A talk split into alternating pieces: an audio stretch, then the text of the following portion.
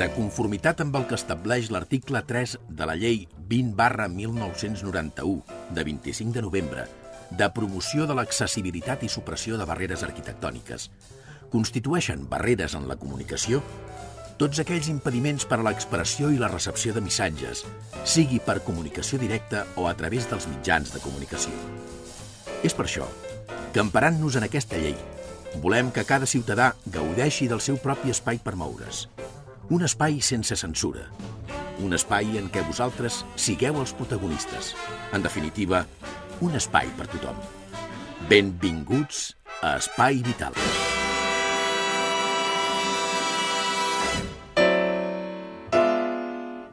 Senyores, senyors, bon dia, què tal, com estan? Benvinguts, ben trobats a la sintonia d'Espai Vital. Teresa Diviu, al meu costat. Salutacions, Teresa. Bon dia a tothom i ben trobats. Alfredo Ángel Cano, Meritxella i Maric, eh, Jordi Puy, que és el nostre tècnic, i infinitat de gent que fem aquest programa. Us donem la benvinguda i també li donem la benvinguda a la Meritxell, que ja la tenim al telèfon. Meritxell, hola. Hola, què tal? Bon dia. Bon dia. Com estem? Doncs bé, molt bé, molt bé. Atabalats amb moltes coses. Molt bé, parlem amb la Meritxell d'un tema molt concret i molt candent eh, en la punta del candelero, diria jo, que són les eleccions. Eh? Exacte, tothom parla del mateix, eh? Doncs parlem-ne de les eleccions.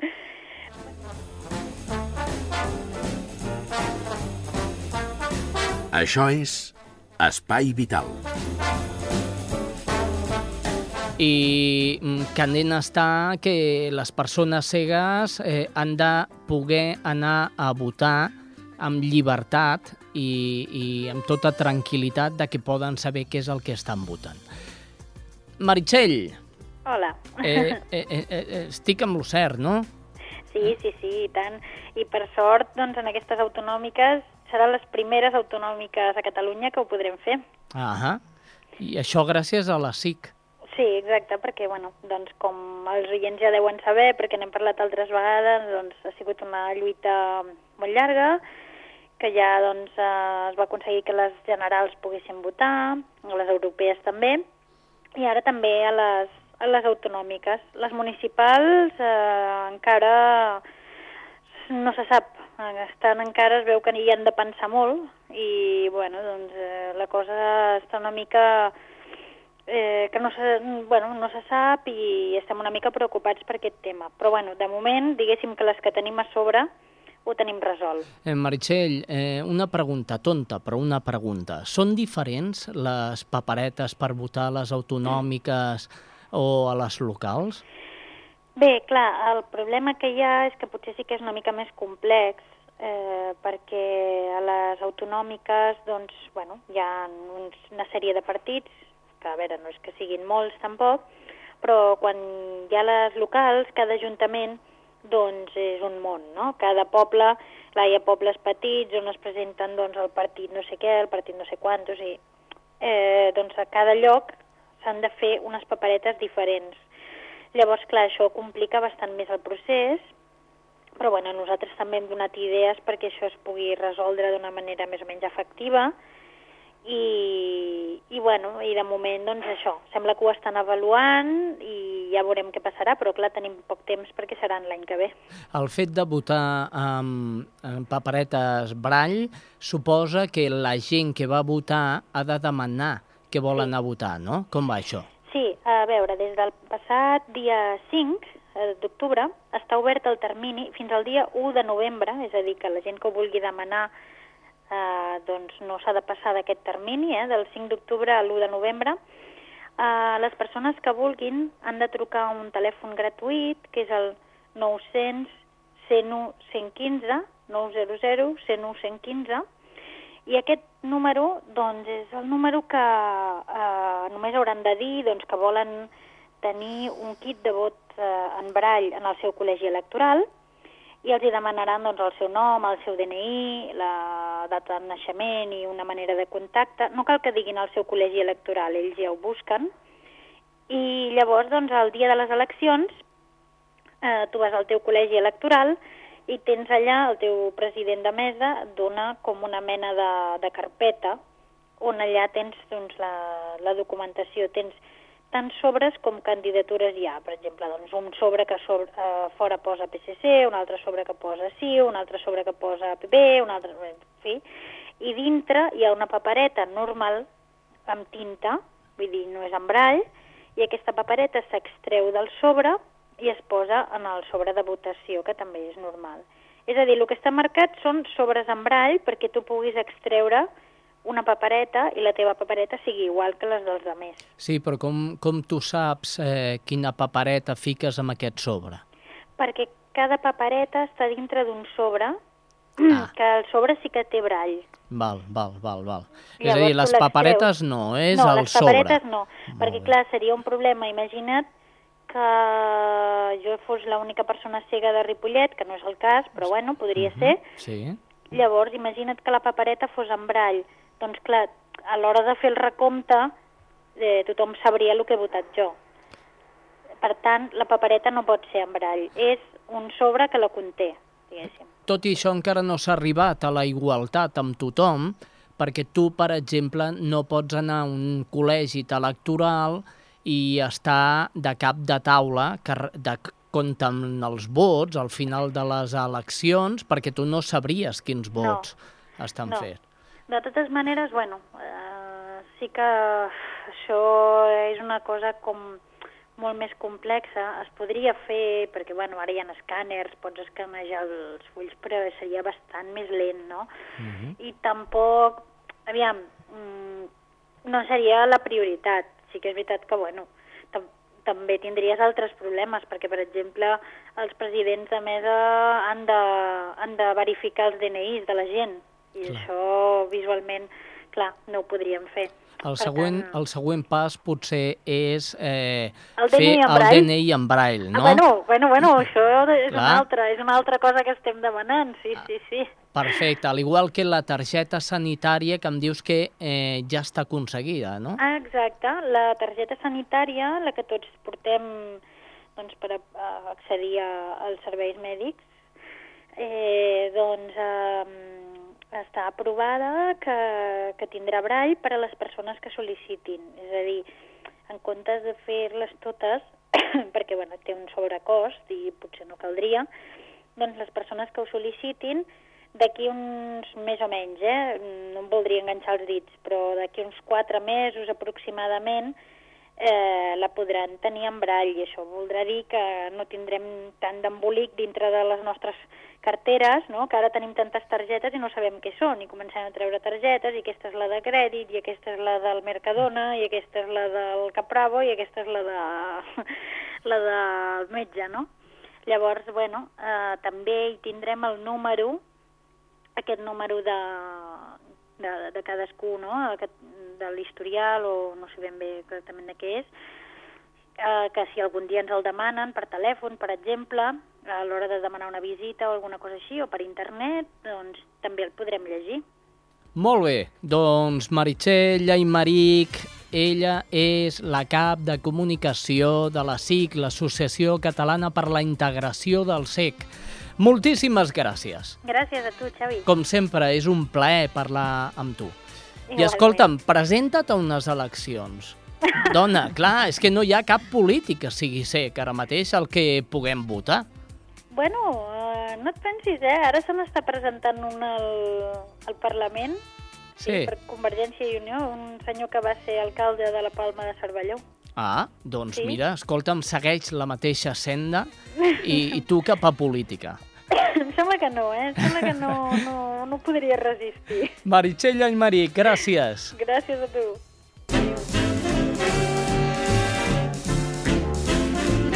Estàs escoltant Espai Vital. I des de Cerdanyola, Ripollet, Montcada, Santa Perpètua i Sabadell, espai vital a totes hores i a diversos dies. Eh, saps què tinc ara mateix, Teresa? Què tens? El segon capítol de Desaparecida. Pues verem molt escoltar. Eh? Ja la vas sentir, el pre, eh? Sí, Oi que sí? És esfereïdor. sí, no, no. Bueno, si jo escrigués la meva... Malaltia varia. Sí? També quedaria. O sigui, I tinc ganes d'escriure-la, eh? No em vull venir sense d'escriure-la. Doncs bé, ens quedem amb això i anem ràpidament a, al segon capítol de Desaparecida, una vida trencada per la sensibilitat química múltiple. A continuación les ofrecemos Desaparecida, un libro sobre la sensibilidad química múltiple. Desaparecida, un libro de Eva Caballé escrito en primera persona y llevado a la radio de la voz de Luisa Blanca con la producción de Spy Vital.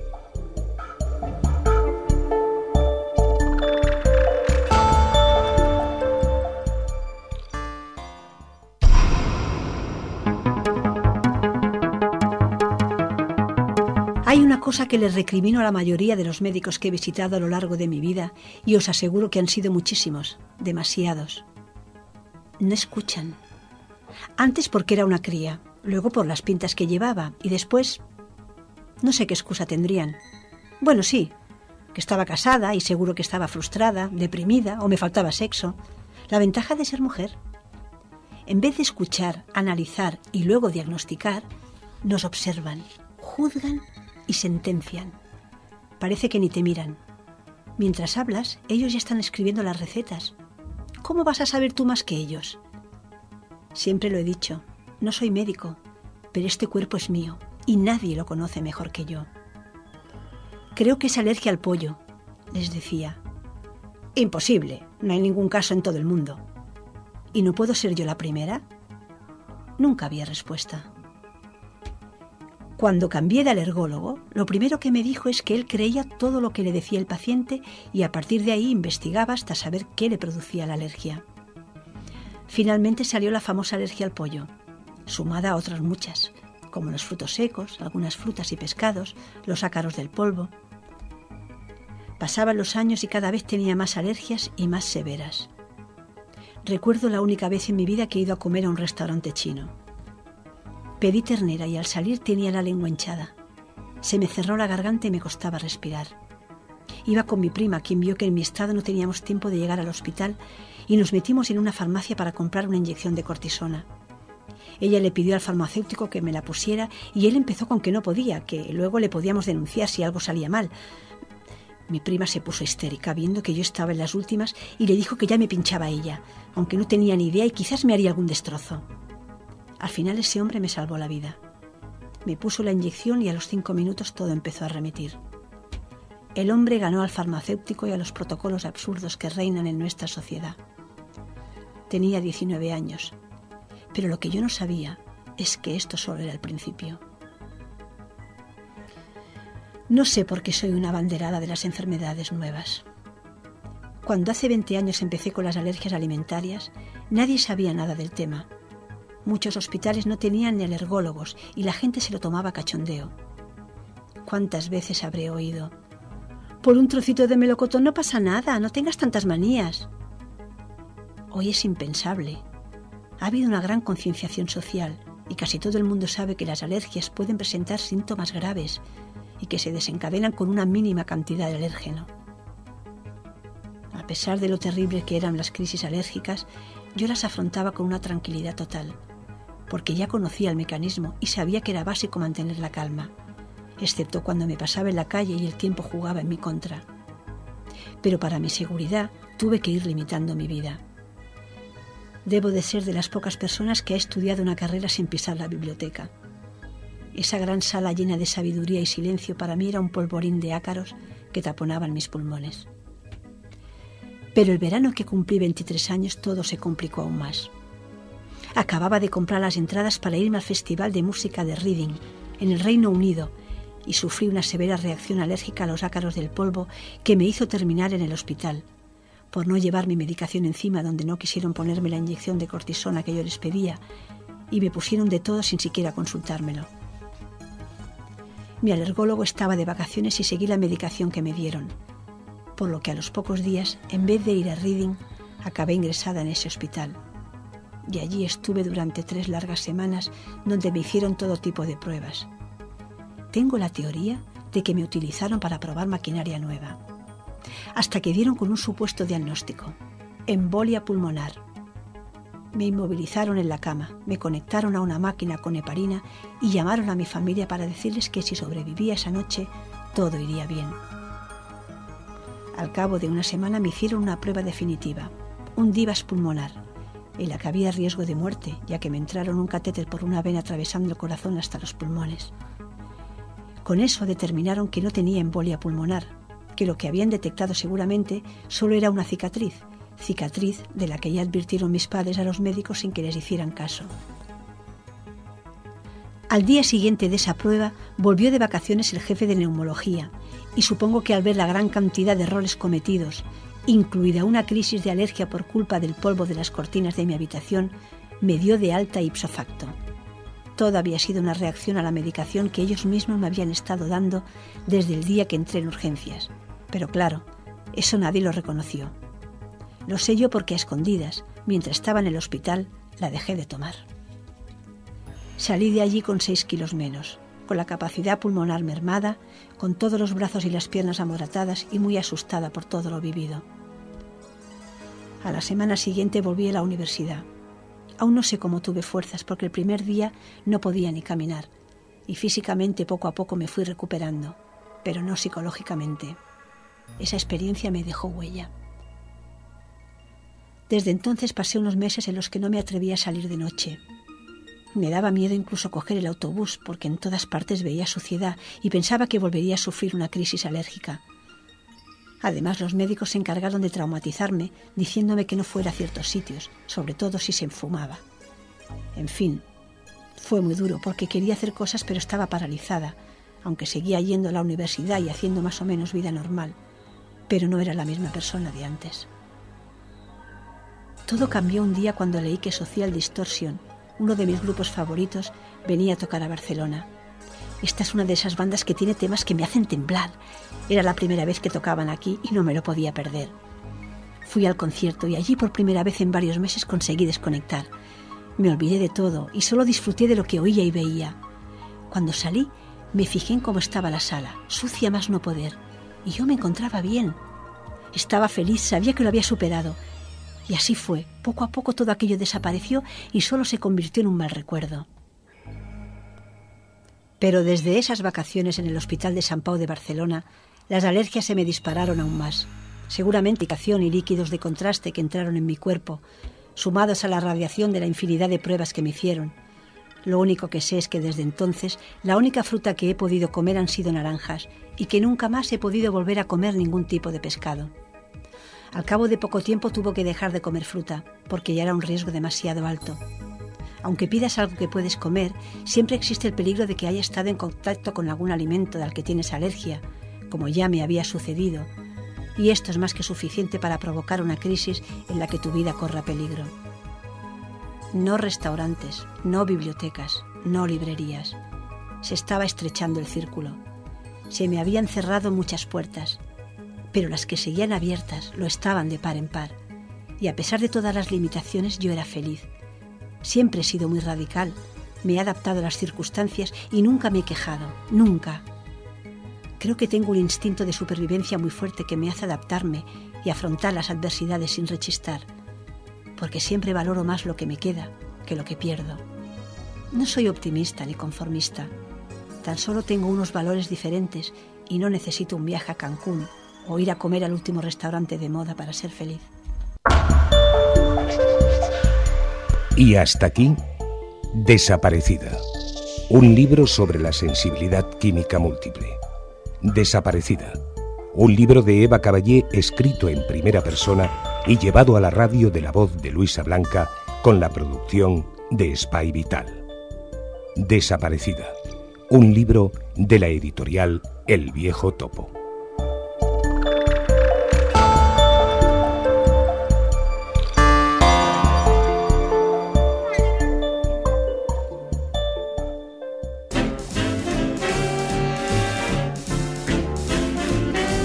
Estàs escoltant Espai Vital. I dintre del programa arriba el moment d'escoltar el poeta coix. Sí, senyors, el Jordi Condal.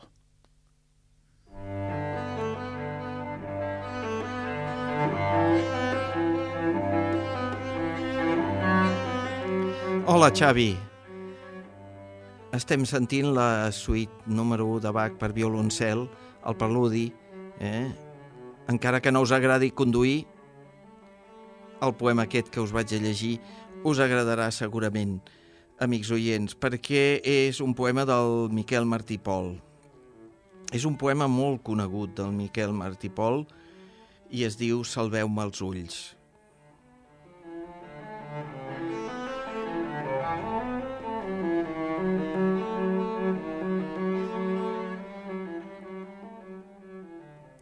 Salveu-me els ulls quan ja no em quedi res. Salveu-me la mirada, que no es perdi. Tot altra cosa em doldrà menys, potser, perquè dels ulls me'n ve la poca vida que encara em resta i és pels ulls que visc, adossat a un gran mur que s'enderroca. Pels ulls conec i estimo i crec i sé, i puc sentir i tocar i escriure i créixer fins a l'altura màgica del gest ara que el gest se'm menja mitja vida i en cada mot vull que s'hi senti el pes d'aquest cos feixuguíssim que no em serva. Pels ulls em reconec i em palpo tot i vaig i vinc per dins l'arquitectura de mi mateix en un esforç tenaç de percaçar la vida i exaurir-la. Pels ulls puc sortir en fora i veure llum i engolir món i estimar les donzelles, desfermar el vent i aquietar la mar, colrar-me amb sol i amarar-me de pluja. Salveu-me els ulls quan ja no em quedi res. Viuré i mort, només en la mirada.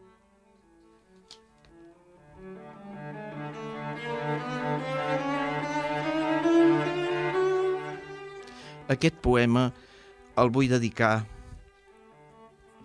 al meu cosí, el Roc Solanes, que està afectat d'esclerosi lateral. Aquí tinc un gran efecte. Doncs molt bé, la veu del Jordi Condal en l'espai del poeta Coix. Escolteu, no és eh, cosa tonta la que estem fent avui. Estem amb un membre del ramat de pedres de Cerdanyola. És una persona molt amiga d'aquest programa i diria jo molt amiga de tots els amics. Com jo també em considero, eh, si més no jo d'aquí cap allà, un amic d'un escriptor eh, que mou un moviment que jo crec que molts ja el coneixeu, és el moviment Mouta pels quiets, i ell és Mario Serra, col·laborador de Contes Coordinats, eh, eh, després fa un programa a TV3 o una part d'un programa a TV3 que parla de lletres i de frases fetes. Bé, deixem que ens ho expliqui ell. Mario Serra, bon dia. Bon dia, bona hora. Com estem? Bé, Bé, no? Escolta'm, Sí, senyor. aquest moviment, molta pels quiets, escolteu, no pareu, eh? No pareu. Pel que ja ho jo... diu el nom, ja ho diu el nom. Moure's pels quiets. Molt bé, eh, aquest, eh, eh, quan neix aquest moviment, Màrius? Bé, de fet, aquest, eh, aquest moviment i aquest rètol, aquest Mouta pels quiets, neix de, de la fugida d'un personatge de, de dins d'un llibre, i m'explicaré. Jo vaig publicar el 2008 el llibre Quiet, que és un llibre de no ficció que explica la història eh, de la nostra relació amb el nostre fill Lluís, que va néixer amb paràlisi cerebral i que en aquella època encara vivia. Ell va morir l'any passat amb 9 anys i mig, però eh, ens va ensenyar i ens va deixar per herència moltíssimes coses, no? Un cop aquest llibre, que era un llibre difícil per mi de fer i de pair, diguem, vaig veure que arribava moltíssima gent, el propi personatge, mon fill, va fugir d'aquest llibre i ens va començar a estirar a tots, eh, corrent darrere d'ell, eh, i vam fer un concert solidari el 14 de juny de l'any 2009, que es va dir justament, li en vam dir Mouta pels quiets. Eh, es va moure moltíssima gent, moltíssims artistes inquiets, des de la Nina, el Tricicle, el Pau Riba, el Sergi López, gent, el Bruno Oro, el Queco Novell, eh, no, no, no pararíem, no?, perquè és una, una vintena llarga, gent, gent molt, molt inquieta i molt coneguda, també. I allò que va ser per... Eh, aixecar fons per a les fundacions Nexa i Guimbarda que es dediquen a la paràlisi, eh, diguem, eh, treballar amb nens afectats en paràlisi cerebral va ser també una manera de mostrar una realitat eh, desconeguda i més aviat incòmoda eh, eh, d'una manera molt àmplia, no? I a més des del discurs de positiu de l'energia creadora.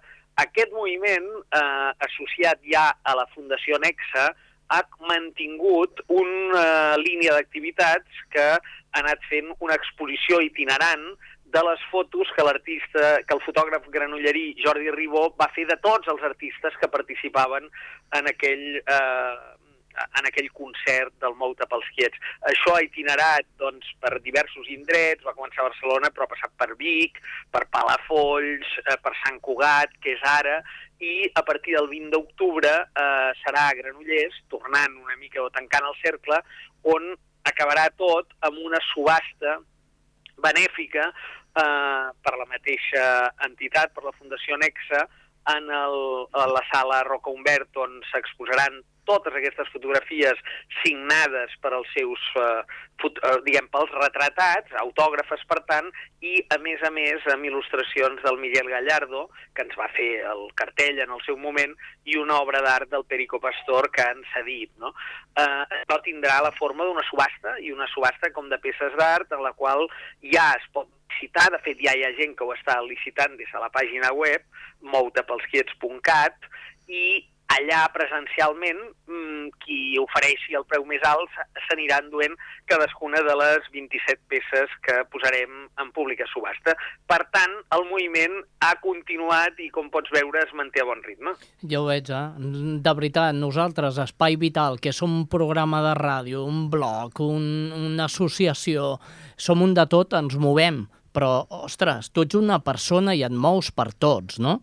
Vull dir, eh, eh, et mous pels quiets, precisament. Per això és el nom de la, sí. de, de la fundació o associació. Què sou?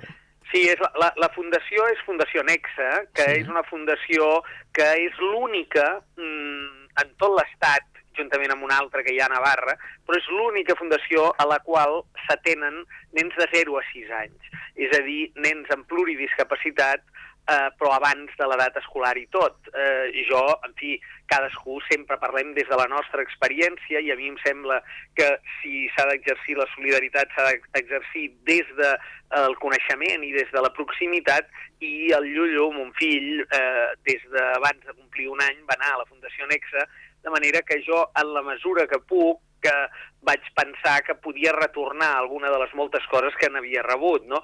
Però, en fi, esclar, cadascú sabem fer el que sabem fer, i jo sé inventar històries i sé eh, escriure i, i, i visc en el món de la creació, per això eh, el tipus d'activitats que fem des del moviment, des del Mouta pels Quiets, associat a la Fundació Nexa, sempre tenen una relació amb la creativitat.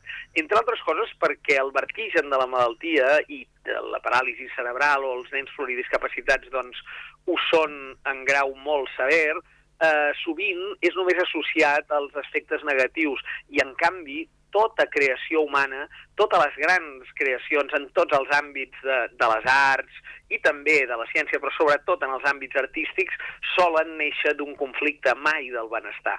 Per tant, associar una situació que, en general, es pot espantar socialment, associar-lo també a les creacions que generen eh, d'habitud més admiració, com ara l'art plàstic en aquesta subhasta, o abans els cantants, els actors, els escriptors en el concert anterior, eh, doncs em sembla que és una contradicció molt creativa, no? i per això Bé, mm, eh, jo estic a disposició d'ells, però ho lidera la Fundació Nexa amb tota la seva activitat quotidiana, amb tots els nens que atén des del barri de Gràcia de Barcelona, en el seu cas, però també formant professionals en, en molts altres àmbits i fent un discurs d'interès general.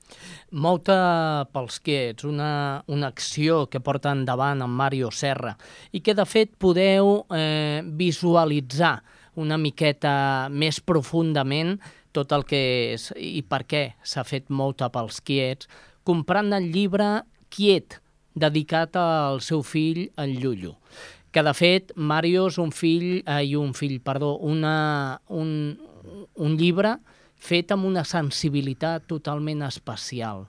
eh, per tot el que tu expliques amb aquest llibre.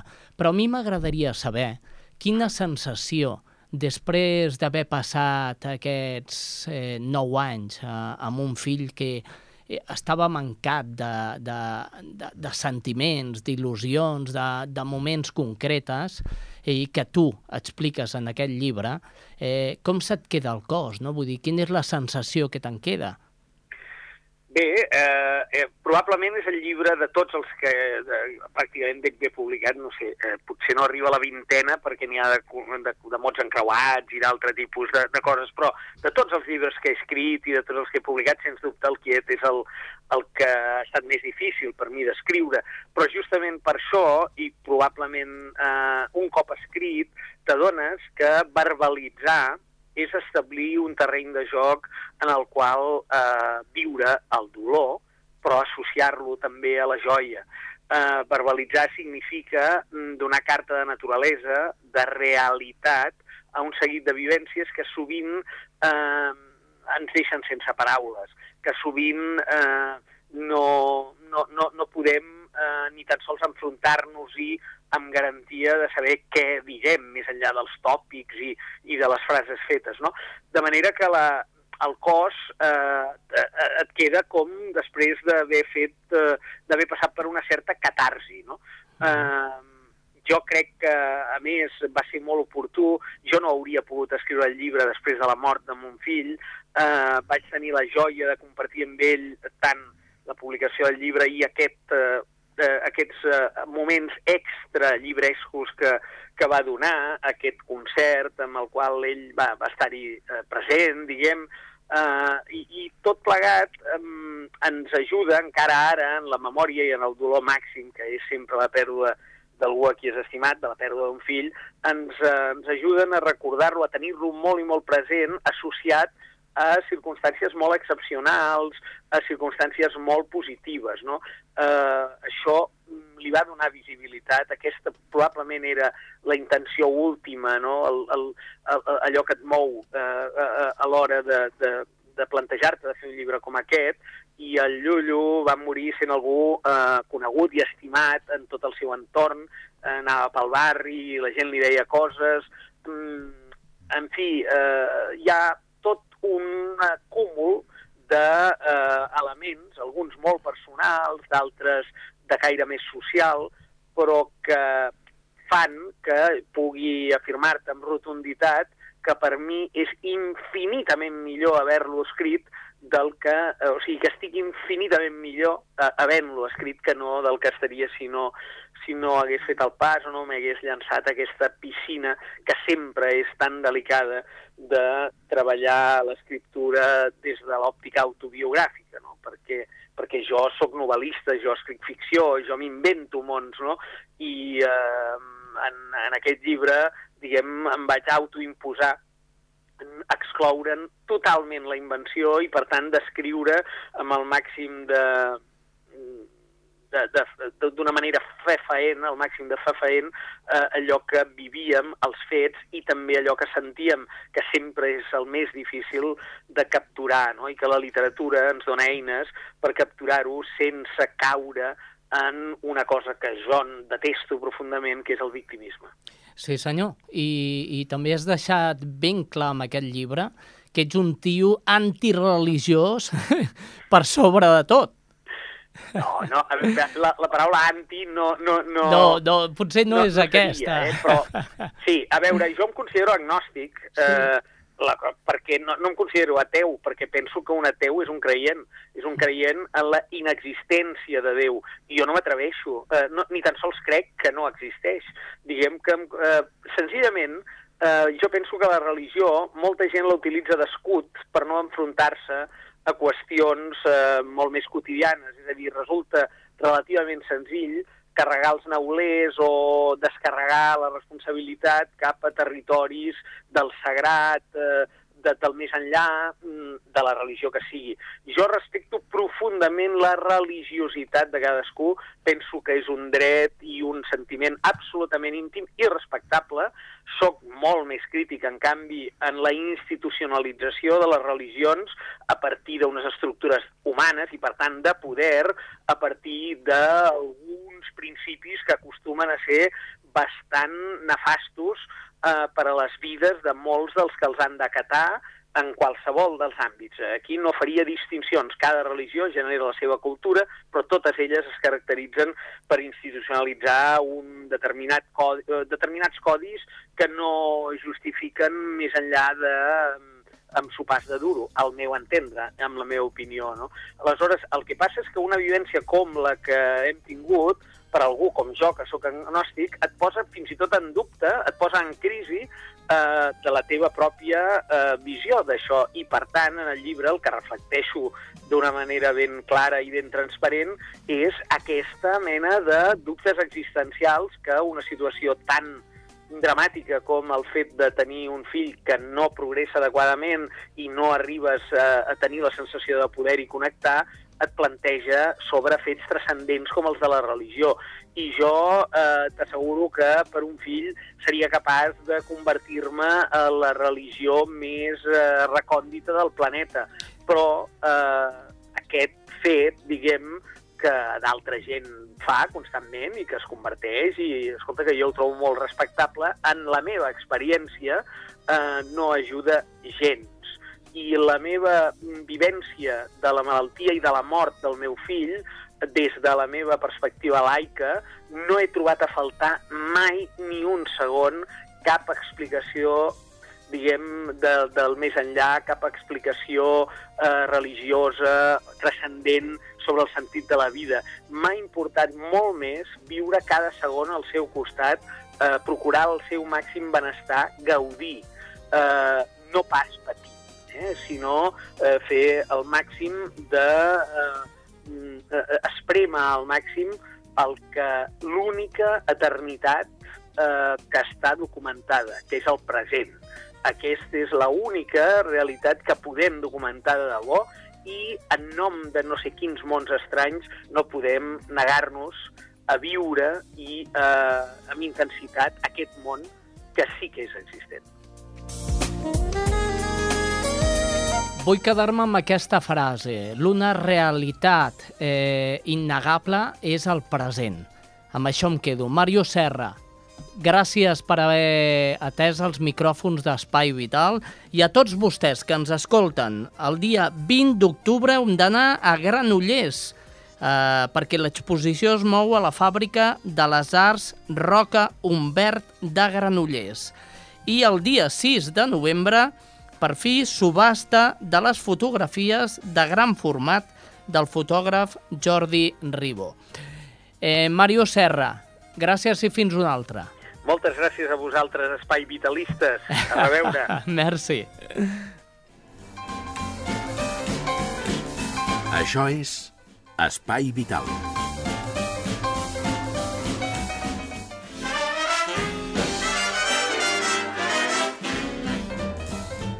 Anem a conèixer quines són les últimes, eh, les últimes notícies en quant a salut, aquí a les Rodalies, a tot el Vallès Occidental. Comencem per Cerdanyola. Allà es troba la Mònica González. Molt bon dia, Xavi, des de Cerdanyola Ràdio. Avui us expliquem que l'alcaldessa de la ciutat, Carme Carmona, ha lliurat els diplomes d'assistència a les participants en el curs de la cura de la salut entre el cos i l'ànima a la vida. El curs de 10 hores adreçat a dones aturades o inactives ha estat una de les activitats programades dins de la primera setmana de la salut. L'alcaldessa es va reunir amb les assistents i els hi va recordar la importància de les dones en la xarxa social i sanitària al tenir cura de malalts i familiars. Precisament per això, per desenvolupar un paper capdalt, els hi va demanar que havien de tenir molta cura d'elles mateixes i ser les dones de les vostres vides. La regidora de Polítiques d'Igualtat, Noelia Sánchez, explicava que el curs havia tractat la salut d'una manera integral, abordant tant l'aspecte físic com el social i l'emocional, anant més enllà del concepte de salut com mera absència de malaltia. Sánchez va en destacar el paper fonamental que juguen les emocions en l'estat del benestar personal, reivindicant la necessitat de manifestar sempre els sentiments per combatre el dolor. El regidor de Salut, el doctor Josep Tarrés, va incidir en el concepte de la corresponsabilitat en l'àmbit de la salut, demanant als malalts ser una part activa en la seva curació, rebent el suport del sistema públic de salut, però portant la seva disposició a millorar l'estat físic i mental. El taller, impartit per Carme Bo, de l'associació Idegarda, formava part del programa de Dones i Polítiques d'Igualtat de l'Ajuntament i s'ha desenvolupat al Centre d'Informació, Atenció i Recursos per a Dones. I això és tot des de Cerdanyola Ràdio. Gràcies, Mònica González. Anem a Ripollet. Allà es troba la Laia Prats. Hola, Xavi. Avui des de Ripollet expliquem que aquest mes d'octubre tornen les activitats incloses en el programa de la gent activa, una iniciativa de la Regidoria de Serveis Socials. L'objectiu és que la gent gran de Ripollet tingui diverses opcions per omplir el seu temps lliure. Així, per aquest nou curs s'han programat tallers de fotografia, informàtica, risoteràpia o de memòria. També estan previstes conferències i sortides culturals. L'any 2009 van participar en aquesta iniciativa unes 500 persones. Trobareu més informació a la Regidoria de Serveis Socials al carrer de la Salut número 1. I això és tot des de Ripollet fins la setmana vinent. Molt bé, gràcies, Laia. Anem a Barberà. Allà es troba la Judit González. Salutacions des de Ràdio Barberà. Aquest dilluns els barberencs i barberenques han tingut una nova oportunitat per realitzar una donació de sang a la nostra ciutat. La unitat del Banc de Sang i Teixits ha tornat a visitar la plaça de la Vila aquest dilluns i en aquesta ocasió ha comptat amb una novetat, la col·laboració del gimnàs femení Curves, que ha obsequiat amb un detall a totes les dones que s'han apropat a donar sang. Per realitzar una donació de sang simplement s'ha de tenir entre 18 i 65 anys i pesar més de 50 quilograms. La donació de sang és un acte senzill, segur, gens dolorós i assistit per professionals especialitzats en tot moment. No comporta cap risc, però en canvi, per malalts de tot el territori pot suposar avançar en el seu procés de curació. A Catalunya fan falta 300.000 donacions a l'any per atendre totes les necessitats. Malgrat els avenços mèdics i tecnològics, ara per ara la sang no es pot fabricar i tan sols se'n pot obtenir de les donacions altruistes de les persones. Gràcies, Judit González. Anem ràpidament cap a Montcada. Allà es troba Sílvia Díaz. Hola, salutacions una setmana més des de Montcada. Al llarg d'aquest mes d'octubre es posaran en marxa els tallers de promoció de la salut que l'Ajuntament du a terme cada any als centres educatius del municipi, pels quals el curs passat van passar 650 alumnes de primària i 2.300 de secundària. L'objectiu del programa és fomentar els hàbits de vida saludables i també la responsabilitat social a través d'activitats com tallers de sexualitat, d'alimentació, de drogodependència, seguretat viària, assertivitat o bé de tinença responsable d'animals, entre molts altres àmbits. El projecte contempla la salut com un tema transversal i per això al programa col·laboren diferents departaments municipals, la policia local, Creu Roja, els ambulatoris i organitzacions com l'Institut de Rehabilitació Gutmann. Salut Pública i Consum, el departament que s'encarrega de coordinar el programa, ha incorporat quatre activitats noves a secundària, una dedicada a la pressió de grup, un taller i una obra de teatre sobre educació i llibertat en l'àmbit de les drogodependències i la projecció i debat sobre la pel·lícula Juno, que parla sobre una mare adolescent. A primària la novetat és la proposta Esmorzem Junts, un taller que promou un menjar adequadament i que els infants sàpiguen en què consisteix una dieta nutritiva. Doncs bé, això és tot. Fins la setmana vinent. Gràcies, Sílvia Díaz. Montcada Ràdio anem cap a Santa Perpètua de la Moguda. Allà la responsable d'informatius és l'Estrella Núñez. Hola, Xavi. Salutacions des de Santa Perpètua. L'Associació de Famílies amb Nens i Adults Afectats amb TDAH i TDG de Santa Perpètua, Espiral, inaugurarà dissabte, 16 d'octubre, la seva seu situada al Centre Cívic La Creueta. L'acte es desenvoluparà entre les 10 del matí i la 1 del migdia i comptarà amb la presència de la doctora Montserrat Pàmies, directora de Salut Mental i del seu equip de professionals del Parc Taulí. També hi assistirà la treballadora social del Parc Taulí que hi podrà informar de les ajudes que disposa aquest servei. Espiral també oferirà informació dels possibles serveis que es realitzaran al seu nou local, aquest que estrenen el dissabte 16 d'octubre al Centre Cívic La Creueta. Això és tot des de Santa Perpètua. Fins la setmana vinent. Molt bé, gràcies Estrella Núñez. Anem cap a Sabadell. Allà es troba la Núria Garcia. Salutacions des de Ràdio Sabadell. Ràdio Sabadell, conjuntament amb Canal Català Vallès, fan una campanya de recollida d'aliments que es lliuraran al rebost solidari. L'objectiu és, doncs, poder incrementar l'estoc d'aliments que té disponibles aquesta entitat. El rebost no s'encarrega directament de donar menjar a les persones que ho necessiten, sinó que gestiona el repartiment dels aliments. Unes reserves que no són suficients per abastir els 10.000 sabadellencs que en el seu primer any de vida ja ha atès el rebost. De fet, l'entitat gestiona mensualment pràcticament 100.000 quilos d'aliments. Davant d'aquesta situació, l'emissora ha decidit donar suport a aquesta entitat sabadellenca sabadellenca i per això emplaça tots els sabadellencs que així ho vulguin a prendre part d'aquesta iniciativa. La campanya estarà en funcionament fins al 31 d'octubre. Aquells que ho vulguin poden portar aliments com ara llegums, oli de girassol, tomàquet fregit o tonyina als estudis centrals de Ràdio Sabadell al carrer Doctor Puig número 18 o a la seu de Canal Català Vallès situada al carrer Calderón número 186. Les aportacions es podran fer cada dia laborable des de les 10 del matí a la 1 del migdia i de les 4 a les 7 de la tarda. Això és Espai Vital.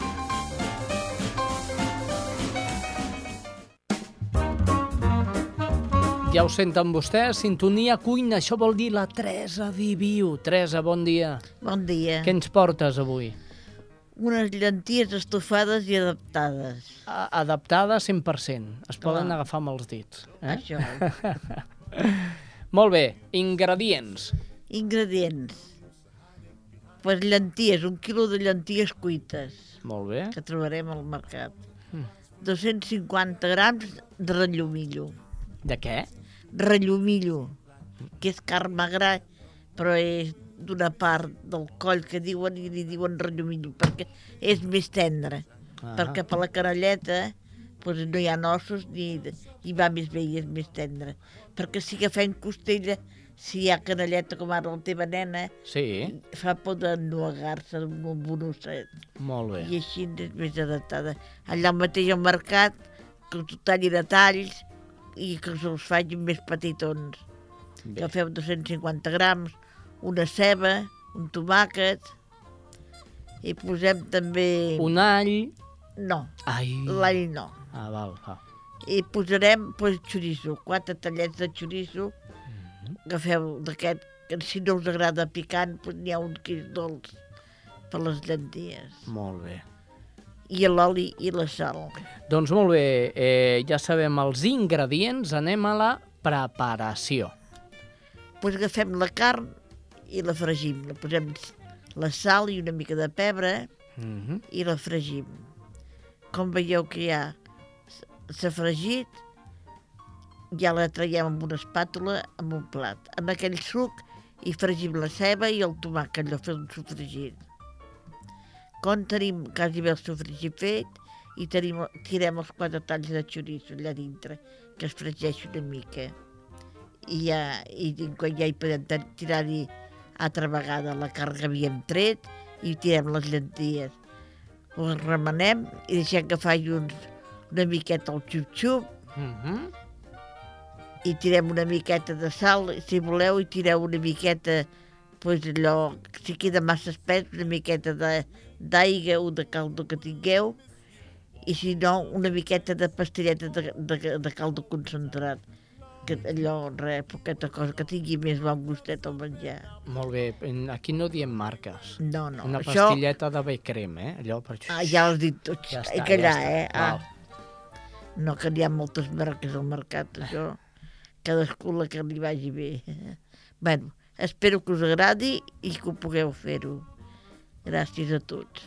Doncs molt bé, fins aquí la cuina adaptada de la Teresa Diviu. La setmana vinent més. Ja tens alguna cosa pensada? Sí, perquè ara som el temps dels rovellons. Fem uns rovellons amb botifarra. Ah, bo. Esto està, està rico, Ai. això. Està bo, això. Ahir vaig veure uns rovellons, aquella senyora, pues, diu, si ho sapigut que estava aquí, t'hi m'he regalat uns quants.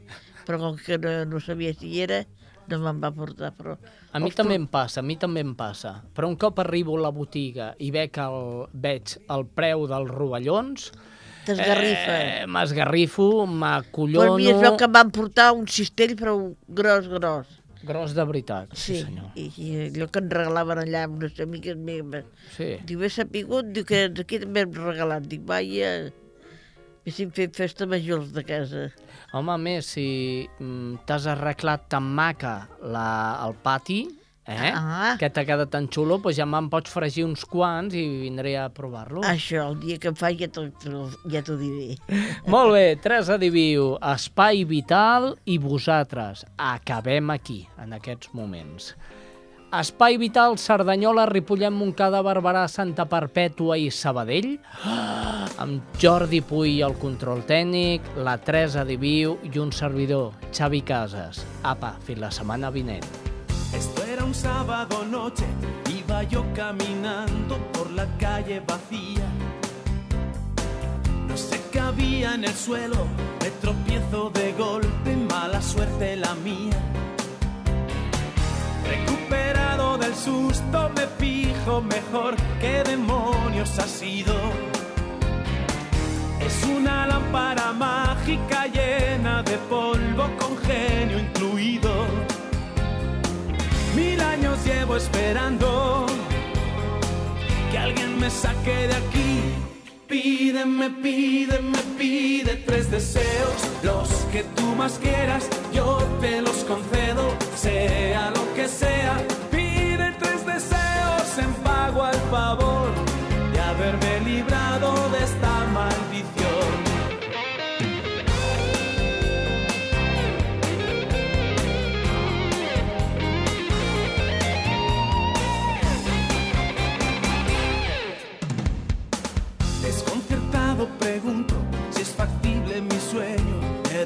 Vuelta al mundo. Y en un instante tan solo, aterido de frío, aparezco en el polo.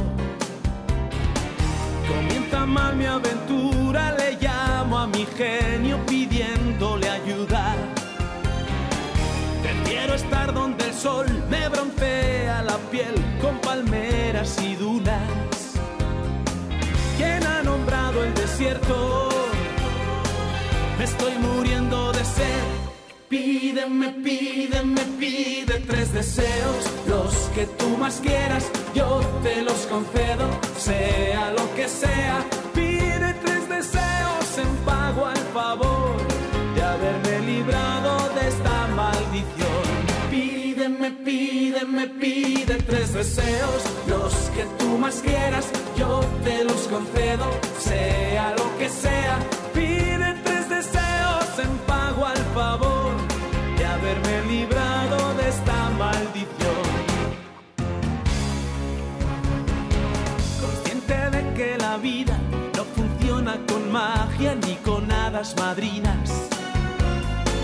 Diciéndolo de otro modo, nunca puse mi suerte en las manos divinas. Invoco al genio de nuevo a fin de que escuche mi último ruego. Devuélveme donde estaba, tú vuelve a tu lámpara y basta de juegos.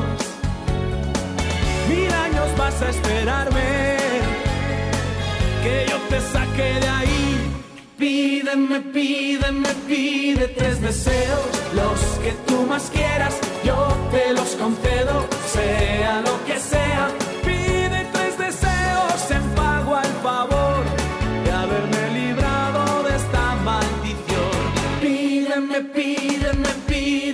deseos, los que tú más quieras, yo te los concedo, sea lo que sea.